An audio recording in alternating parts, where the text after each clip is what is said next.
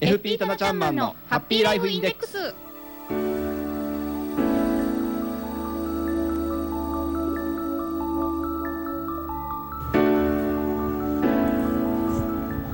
FP タナちゃんマンのハッピーライフインデックス。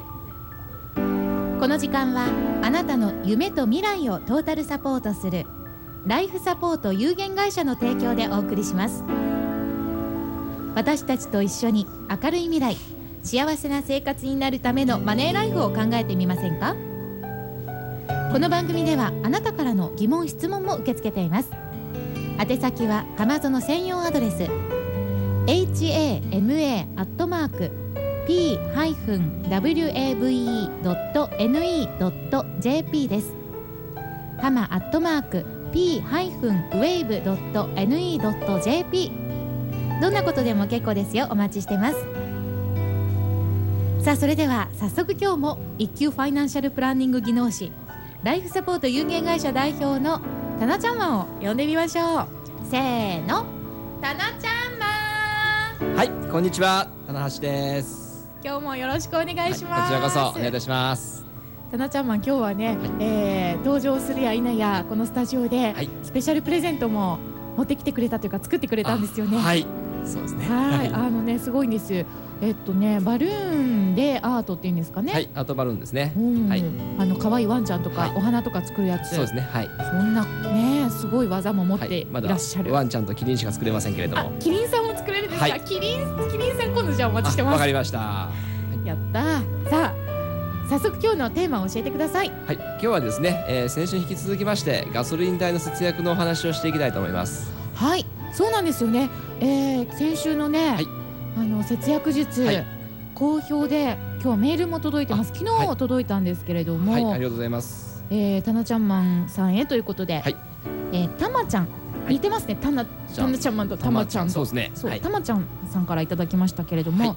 えー先週のエコトライブの話を聞いて実際にやってみてます、はい。忘れちゃう時もあるけど年間でかなり節約できるって聞いたから楽しく試してますよ、はい、ありがとうございます。そうですね。あの私の方にもですね、あの結構反響いただきましてですねす、かえーあのもうちょっとああいう話してくれないかなっていうようなことをうんお声をいただきました。なるほど、はい実際にすぐにねこう生活にそうですね。簡単にできることですしね。うんはということで今日は、はいせえーガソリン代の節い。約はい。術、パートその2 2ということでね、お話をしていきたいと思いますけれども、はい。えー、とこの方もねそうそう来年節約してそれで家族旅行したいという、いいですね。そんな計画があるそうです。はい、夢があっていいですよね。うん。そうですね。私のですねライフプランの、えーテーマがですね、はい。楽しく節約してい。きましょうっていうのがありますんでね、やはりそのやっぱり楽しくねケチケチししてこの窮屈な生活をしてね、あの節約するよりも楽しく夢を持ったね形でやっていただくのが一番いいのかなと思いますんでね。最初にもそうやってねお話ししていただきましたもんね。はい。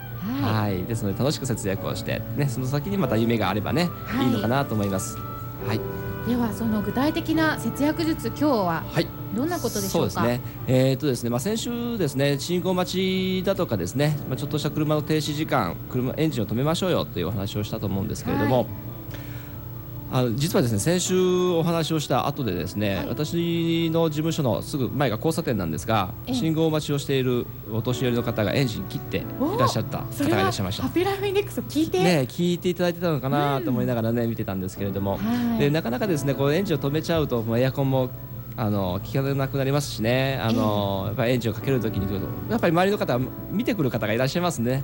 ちょっと恥ずかしいわっていう方もいらっしゃると思うんですけれども、はいはい。あのえ信号待ちしている間ですねそのギアをですねドライブレンジからはい。ニュートラルに入れるだけでもですね、かなり節約ができるらしいですのでね。そうなんですね。はい。ですので、うん。あの本当に停止時間がちょっともうすぐ発進するかもどうかわからないっていうような短い間の停止時間だとかですね。そういう時はもうエンジン停止だとまたあの切ったりかけたりっていうのが大変ですので、ええ。そういった時はそのドライブレンジからニュートラルに入れていただくだけでもかなりの節約ができますよということでね覚えていただくといいのかなと思いますね。そっか、はい。私これどうなんだろうって昔ね、はい。もっともっと昔思ってたんですよ、ええ。免許取り立てぐらいの頃に、はい。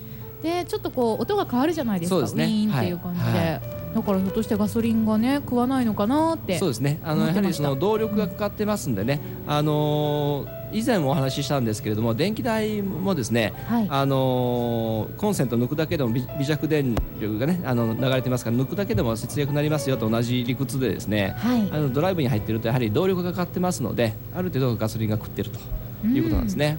なるほど、は私はその時はねエコを考えてではなくて、はいはい。あのまあ、節約っていうのもあるんですけど、ええ。ガソリンがあもうやばいあの ガス欠になるかもしれないっていう時にも、はいえ。ニュートラルにしたらいいかもとかいろいろやって、はい。あのなんとかガソリンスタンドまでたどり着きました、はい。あ正しかったんですね。正しいですね。はい。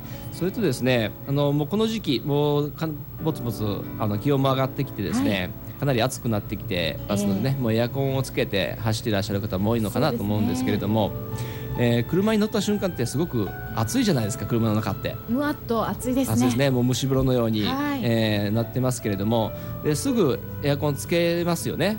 そうですね。ね。これからの季節は特に、ね、もう本当にエアコンスイッチも入れっぱなしでエンジン切っちゃってもうすぐエンジンかけた時ついちゃうっていう方も多いと思うんですけれども、はい。えー初めて車に乗るときこの室内がすごく暑くなってますのでええ。まず、ま、窓を開けてですね。でエアコンをかけるとですね室内が早く冷えるんですよ。あそれはそうかもしれません、はい。最初に空気が外から来た方がそうですね。いくら外が暑くても、はい。なんかこう早くね涼しいなって感じました、はい、早くすあのなります。で外の空気が入るというのもそうですし、はい。えーエアコンの吹き出し口から風が出ますのでその風が熱い空気を押し出してくれるんですよね窓から。あなるほど、はい、空気を入れ替えてくれますので、うんうん。早く室内があの涼しくなります。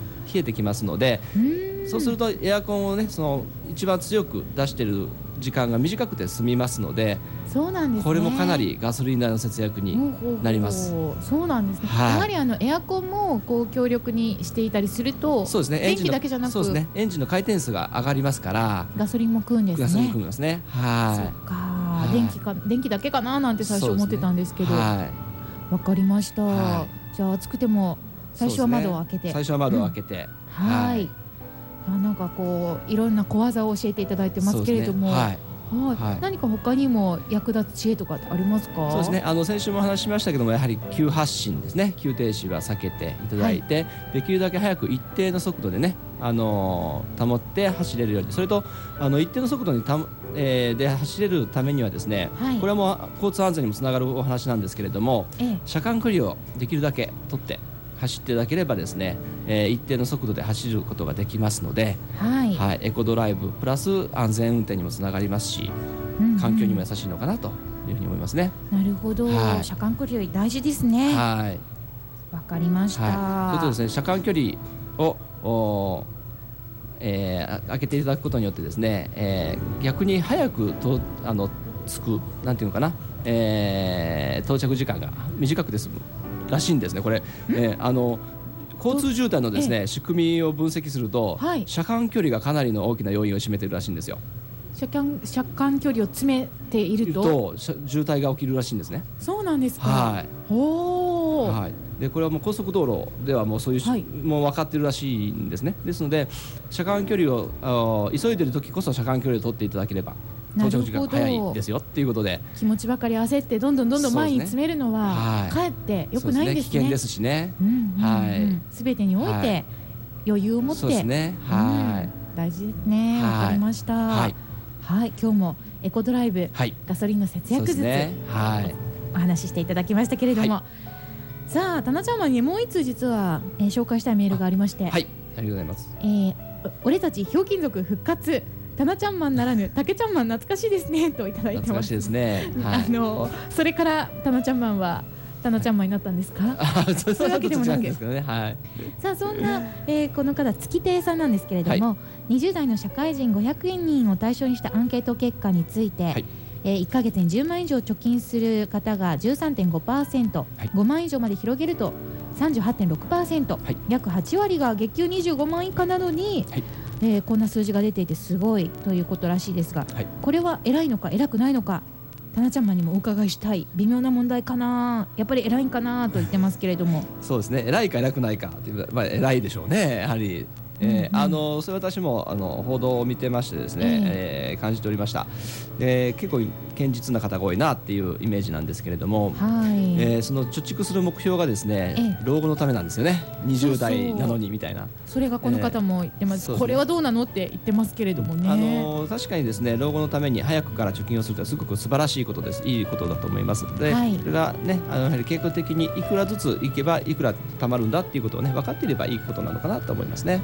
なるほど、はい、楽しく貯蓄をしていくのが一番だと思います。楽しく夢を持ってこれが大事なんですね。はい、はい、言いたいのは若者はこれでいいのかという意見でした。月亭さんありがとう、はい、ありがとうございました。